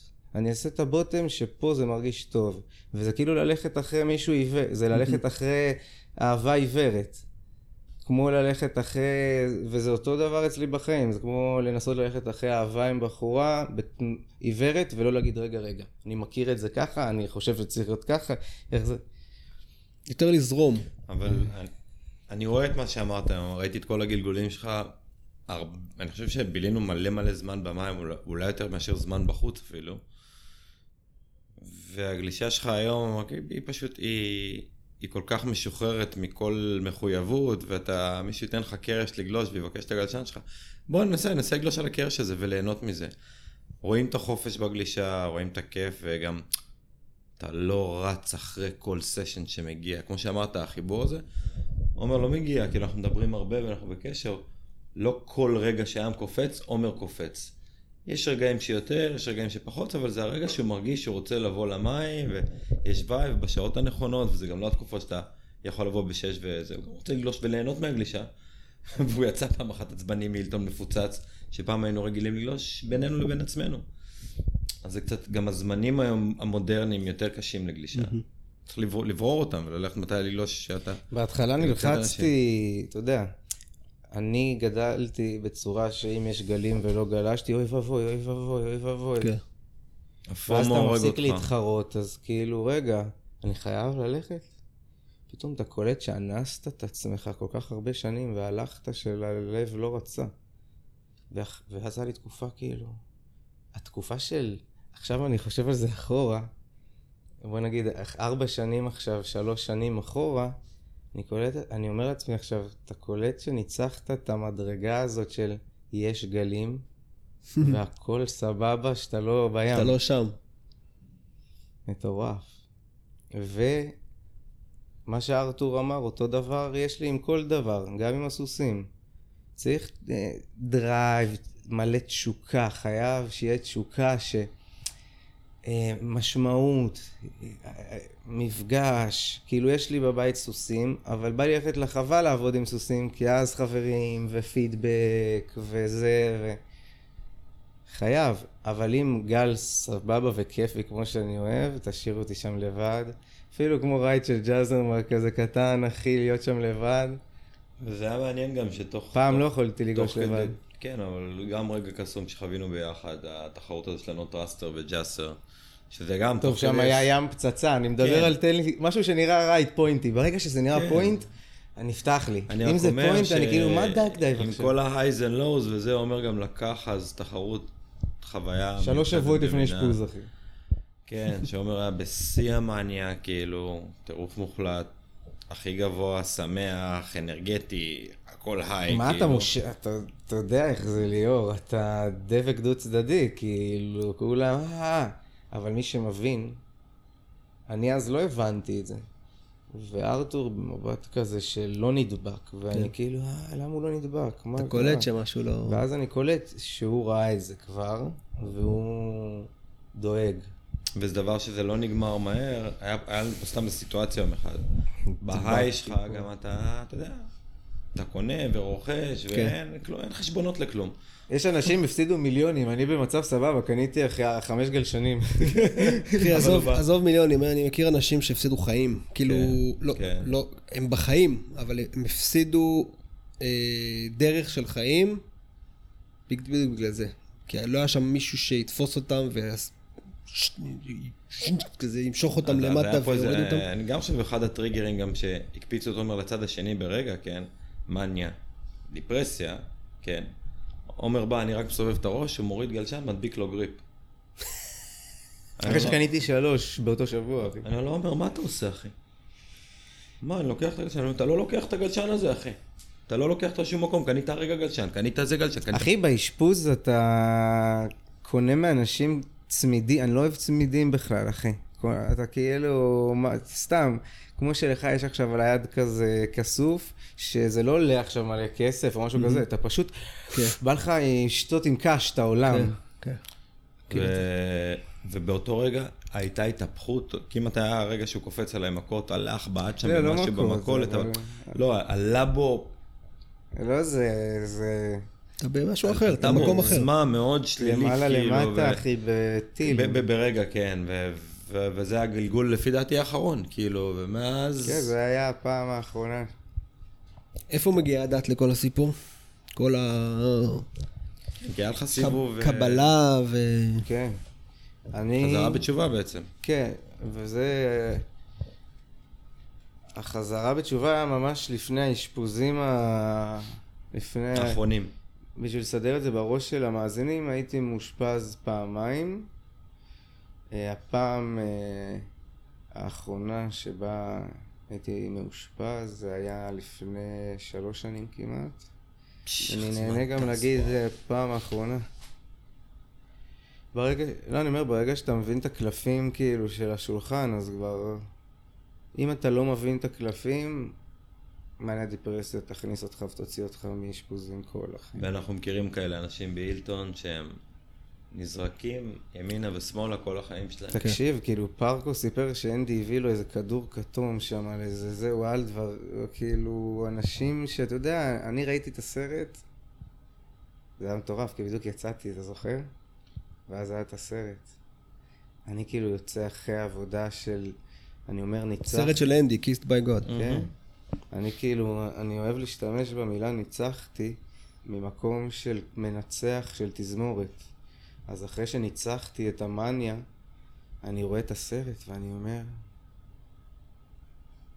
איך לא היה, לו- כאילו, איך לא היה לו שם מישהו ש... שישים את האצבע. מטורף. איך לא היה איזה חבר שקצת, קטע שכולם היו שבויים אחריו, אז כאילו, טוב, אם אנדי ידפוק את הראש עכשיו בסלע, אז יאללה, כולם דופקים. לא היה בן אדם אחד שכאילו, וזה, זה, אצל הכוכבות הזאת, זה כאילו כזה גבול דק, בין להיות מניה לבין לזה שחושבים שאתה עילוי בעי גבוה. גם קשה לבוא להגיד לאלוהים, תשמע אחי, אתה משהו לא... בוא. כן, הקטע שזה ילדותי, אתה יודע, בסך הכל אנשים שגולשים על אה, גלשנים וזה, זה ילדותי, כאילו, להתלהב מגולש מקצוען בצורה כזו ילדותית, זה משהו של עד גיל 18. אם בן אדם כבר מעל גיל 18-19, צריך להסתכל עליו ולהגיד, רגע, הוא... הוא חי טוב, הוא לא חי טוב, אה, יש לו כסף והוא עושה איתו דברים והוא נהנה, או שיש לו כסף והוא עכשיו בבית עם OCD נגנב על איזה פינה בבית, כאילו, שלא התחברה. אבל התפספסנו רגע, עשינו דיטור, אה, הוא דיבר הדת. בנושא, כן, איפה הדת כאילו בעצם תפסה אותך לרגע מסוים בחיים. אז זהו, העניין של... אה, מה קוד- עשית קוד- בעצם? קודם כל? למדת? קודם כל, אה, המילה דת היא הדבר הכי גרוע שקרה לעולם שלנו. דת זה כת, זה, זה קטרוג, זה כאילו... אפשר לקרוא... צריכים לתת שמות לדברים בסוף. כשאני אומר כאילו, fuck, יש לי את הגלשן הזה, אז זה כאילו... אז השם של, של מה שהלכתי ללמוד זה יהדות. ובהתחלה אתה חושב שאתה הולך כאילו למקום הכי מקבל בעולם, כי אתה יהודי ואתה הולך עכשיו ללמוד. אבל למה? למה? למה פנית לשם? אני חשבתי תמיד על זה שאני רוצה להיות מטפל. חשבתי, פסיכיאטרית שלי המליצה לי ממש אה, ללכת אה, ללמוד פסיכולוגיה, והבטיחה לי גם שאני הפסיכולוג הכי טוב בארץ, ולללי. ואני כאילו אמרתי, אני רוצה לקבל מידע, אבל אני רוצה לבחון את המקומות הכי עמוקים כאילו בעולם. והכי נגיש היה, בואו נבדוק שנייה מה קורה פה בעניין של היהדות. אז אני תכלס באתי בתור אה, סטודנט, לא באתי בתור אה, חוזר בתשובה קלאסי כזה, באתי סטודנט. אוקיי, יש תלבושת יחידה לבית ספר, למכללה הזו, יש זה, אני נותן את עצמי, אני מאה אחוז קופץ פנימה. ואני רוצה לבדוק מה יש שם, אבל בקטע של נקוד, ממש אה, כן. לא רוחני כזה, אבל יותר לראות מה דידקטי. האמת, מה לא. כי זה שלא רצחת היום, אז אני מבין שאל תרצח זה טוב, זה, זה משהו שעובד היום, זה סבבה. אז אני רוצה עכשיו לבדוק את כל ה-613 האלה, לראות בדיוק מה הולך, מה לא הולך, מה חרטא, מה זה. 613 זה תרי"ג אה, כן. מצוות? אז כאילו הגעתי למצב שגולש רוצה הוואי ואני אמרתי אוקיי מאה שערים אני הולך למאה שערים שם זה. הלוע של הדת אחי בהארדקור. אני הולך שמה שמה זה האמת שמה זה זה הייתי בישיבה במאה שערים איזה שנה ומשם המשכתי לישיבה בהרצליה בערך עוד שנה ו... תפ... ב... לא ידעתי לקרוא טוב לפני שנכנסתי לדת וכל זה וברגע שנכנסתי לדת תפרתי הכל כאילו. עכשיו תצ... אה, י- יתקילו אותי עם זה פה שם, אני לא יודע בדיוק עכשיו פסוקים זה זה, אבל הוא יקריא ואני שם איתו והכל כאילו... ואז הבנתי שם במאה שערים שמאה שערים לא מתאים. ואני הייתי כאילו הכי משוחרר, אם זה טוב אני שם. הלוואי שבגלישה הייתי ככה, בקטע של אם זה נוח, אם זה זה, לא ככה. מאולץ, שום דבר לא מאולץ. כן. או שזה טוב או שלא. ושם באתי ממש, כאילו אם אני רואה שזה זה, אני לא אכפת לי איך זה נראה, איך מתלבשים, וההפך, אתה אומר וואלה, זה כאילו יפה, כזה סרקן ופה ושם.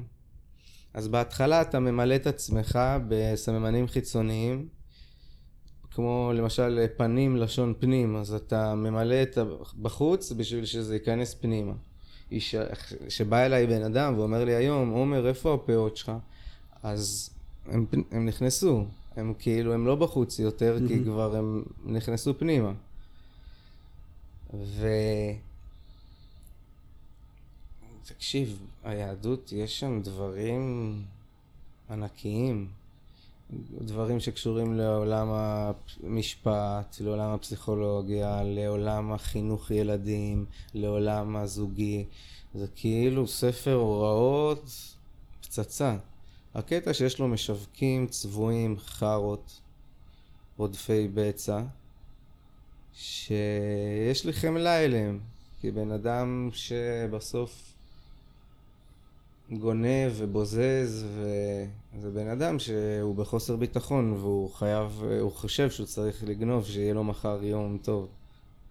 דוריאן תמיד אמר, אני שונא את הדת ואני אוהב את אלוהים.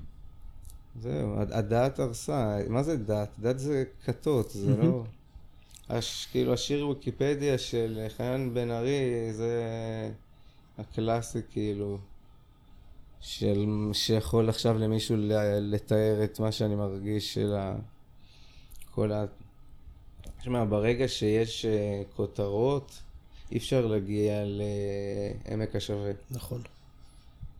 כאילו אם אני פה ואתה, אם, אם אני בתוך עצמי ואתה בתוך עצמך, אז אנחנו ניפגש שם. אבל אם אתה שם ואני שם, לא נמצא שום מקום. וזה הכל ממקום של אה, גאווה וחוסר ביטחון, כאילו, שלנו הכי טוב, שלנו הכי... ומה זה שלנו? כאילו, אלוהים ברא את האדם הוא לא תכנן אותו אז אם הוא אה, איטלקי או ישראלי או... הם פשוט לקחו את זה לעצמם. בסדר, רשום גם ככה בזוהר שבגאולה המשיח מגיע לחרדים ראשון. כי הוא אומר להם, אתם, היה לכם את הספר ובשבשתם. אבל הבחור שהיה גר שם בהרצליה ולא ידע, וואלה, הוא כיבד את ההורים שלו בלי לדעת שאלוהים. הוא עשה את זה תכלס, בין נכון. אדם לחברו, הוא לא עשה שום פוזה. בלי שמישהו יכריח אותו. מדהים. אלף ויכוחים, והיום עומר, עומר, אתה היום בן? 31. פילינג. כברת חיים. אפשר להגיד, כאילו, ב- בשנים הקצרות האלה, את כל המסע המטורף הזה. והיום, אתה שומע בתחזית, אתה רואה תחזיות זה, מתכנן, רואה את הגלים, חושב על טיולים, עבודה, החיים הרגילים, כאילו זה משחק אחר לגמרי, לא?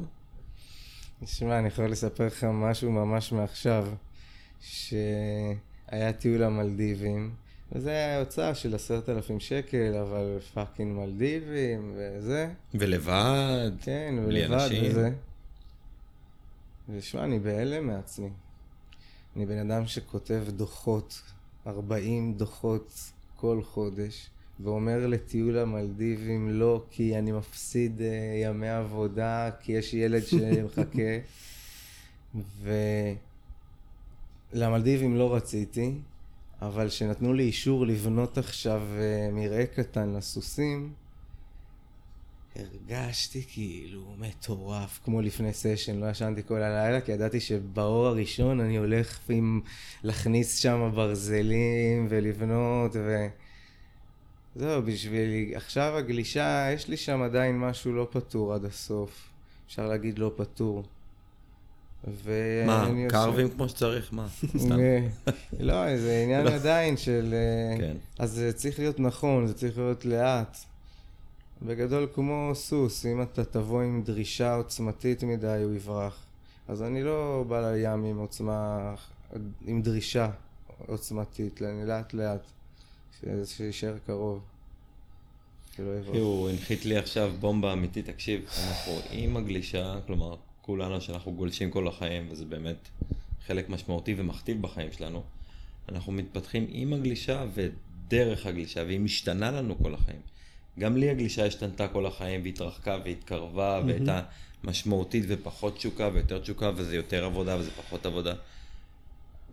וזה... זה, הוא מלמד אותי להסתכל על זה בצורות, אלף צורות שונות, כי ראיתי איך הוא יוצא ונכנס מעולם הגלישה באלף צורות שונות, כאילו, עומר של ה-QS, עומר שלקח את ה Not Thruster ולא שם שלוש חרבות מתחת לרגליים שלו עד לפני לא מזמן בטעות סתם. רק בגלל שהבאת את החבר- את החרב של ה-NVS. זה לא נקרא שלוש. כן, אבל זה כל מיני עליות וירידות כאלה, אתה יודע. לגמרי. וסתם עכשיו נרד קצת, בואו נרד לרצפה רגע, מה, איך אתה רואה, כאילו, מה אתה אוהב היום בגלישה הפיזית, כאילו? ב style, במה מעניין אותך, גולשים? היום מה- כאילו... פעם זה היה פארקו שלוש חרבות, כן, היום פארקו. כן, היום פארקו זה rail אה, basic י כזה שיש לכל השייפרים, גלישה ישרה, אבל הגוף, אני הבנתי, הוא מה שעושה. זה לא משנה איזה גלשן. המבנה של הגוף? אני אומר, הסטייל של הגולש, שאני כן. מסתכל על פארקו, פארקו על הגלשן שאני הכי לא סובל. מה זאת אומרת? צר, ארוך, הדבר שאני הכי הולך ממנו. אפילו הרייל לא מעניין, זה כאילו רייל אה, שעובדים איתו כבר עשר שנים, אבל כשאני רואה אותו גולש, אני אומר לעצמי, אתה קולט שהוא עושה את הגלשן? אין שום קשר לגלשן. זה באמת, כל אחד והתשוקה למה בא לו, אבל כאילו, כשאני רואה את מייקל פברוארי על 5-10 shortboard, או על twin fin, בין הגלים שמחליפים, אני, אני נה- נהנה באותו צורה, לא הבנתי, לא הבנתי שום דבר שהשתנה ב style בין ה shortboard האל מריק לאיזה twin fin. כאילו, מי, פברוארי זה הדוגמה הכי טובה לעניין של הגלשן בסוף. אני יכול להגיד לך שבאתי לטווין. באת- אני באתי לטווינפין ממקום של להציל את עצמי ממה אני חושב על עצמי בגלישה וממה יחשבו עליי. כי ברגע שאתה על טווינפין, וואלה חבר'ה, וואלה כן. אני- טווינפין, לא משנה מה יצא. סטלבט. כן. זה היה מה שנקרא, שאני אוכל אה, להיות... פטור מביקורת. להיות שנייה עם בטן ככה אחרי אשפוז, לא רוצה עכשיו להרגיש שאני חייב לפוצץ. ואז פתאום טווין הפך להיות אחי הדבר. ואז אתה צריך לפרק על טווין אחי. אתה מבין? אז זה רודף אותך, אחי. אז בסוף כאילו אני אומר לעצמי שאני מטפל בעצמי דרך זה שאני רואה את אה, פברוארי ופרקו ואני אומר יו אני נהנה לראות אותם גולש ולא משנה על מה. אז כאילו לגלוש פשוט על מה שאתם רוצים ואם מישהו ייהנה ממכם הוא ייהנה. העיקר גם שאתם תהנו אבל אנשים אומרים העיקר שאתה תהנה. אבל בסוף, אם אנשים נהנים מהגלישה שלך, סימן שאתה משדר אה, הנאה, זה כמו די-ג'יי ששולח גלי קול וכולו מפמפם. אז סטייל, אחי, ממשיכים פמפם. עומר, עוד משהו להוסיף? נהנית? וואי, נראה לי שאני אהנה המון עוד מעט, שנשב, ננשום כזה. אני יכול להגיד לך שזה אחד הפודקאסטים הארוכים שעשינו. ו... מרתקים. מאוד, וכמעט ולא דיברנו על גלישה. זאת אומרת, אני... לדעתי דיברנו מלא על גלישה. זה בדיוק מה שבאתי להגיד. זאת אומרת, דיברנו המון המון המון על הסיפור חיים שלך, ובכל הסיפור הזה, הגלישה היא כמו... אתה מקודם אמרת, אם הסולם לא תקוע עמוק ברצפה, הסול... הגלישה זה כאילו הרצפה הזאת, אתה כאילו נטוע שמה, ומשם יוצא לכל מיני מקומות, ו... לגמרי. אני ממש מצטער שאלה שמקשיבים לנו לא רואים את הפנים שלך, ואת ה... יש לך משהו שאתה מדבר, שהוא, גם כשאתה לא מוציא מילים מהפה, הפנים שלך מדברות בעוצמה מטורפת. וזה דבר שרק מי שיושב מולך חווה אותו, וזה מרגש, אחי, אני יכול להגיד לך שזה ממש ממש מרגש לראות, לשמוע אותך מדבר. וזה סיפור מטורף, ולי הוא נוגע גם באופן אישי, כי לי יש חבר מאוד מאוד מאוד מאוד טוב, שעבר סיפור ממש ממש אה, כואב, וזה חשוב שאנשים יבינו שהדבר הזה הוא, הוא דבר שאפשר להתמודד איתו. כן, חשוב לי לקטוע אותך פה ולהגיד שאם בן אדם חווה משהו. אה, דומה למה שדיברנו, שלא יחשוב פעמיים twin fin thruster single, שפשוט תצלצל, אה, ימצא אותי בפייסבוק. אה, אני קיבלתי כלים וההתחייבות שלי הייתה למנטורים שלי להגיד שהם לא רצו ממני כלום, רק שאני אתן אותם הלאה. כן, אז אם יש מישהו שעובר, תעבירו את זה הלאה. אחי. לגמרי. זה מציל חיים. לגמרי, לגמרי, ממש. וזהו, אין לי הרבה מה להוסיף. אני ממש כאילו, שיחה מרגשת בטירוף, ועמוקה, וכיפית, תומר, תודה. בנימה שהזמנתם אופטימית. זו, כן, פרק 10, signing off. יאללה ביי, חברים, תודה. עומר בר, ענק.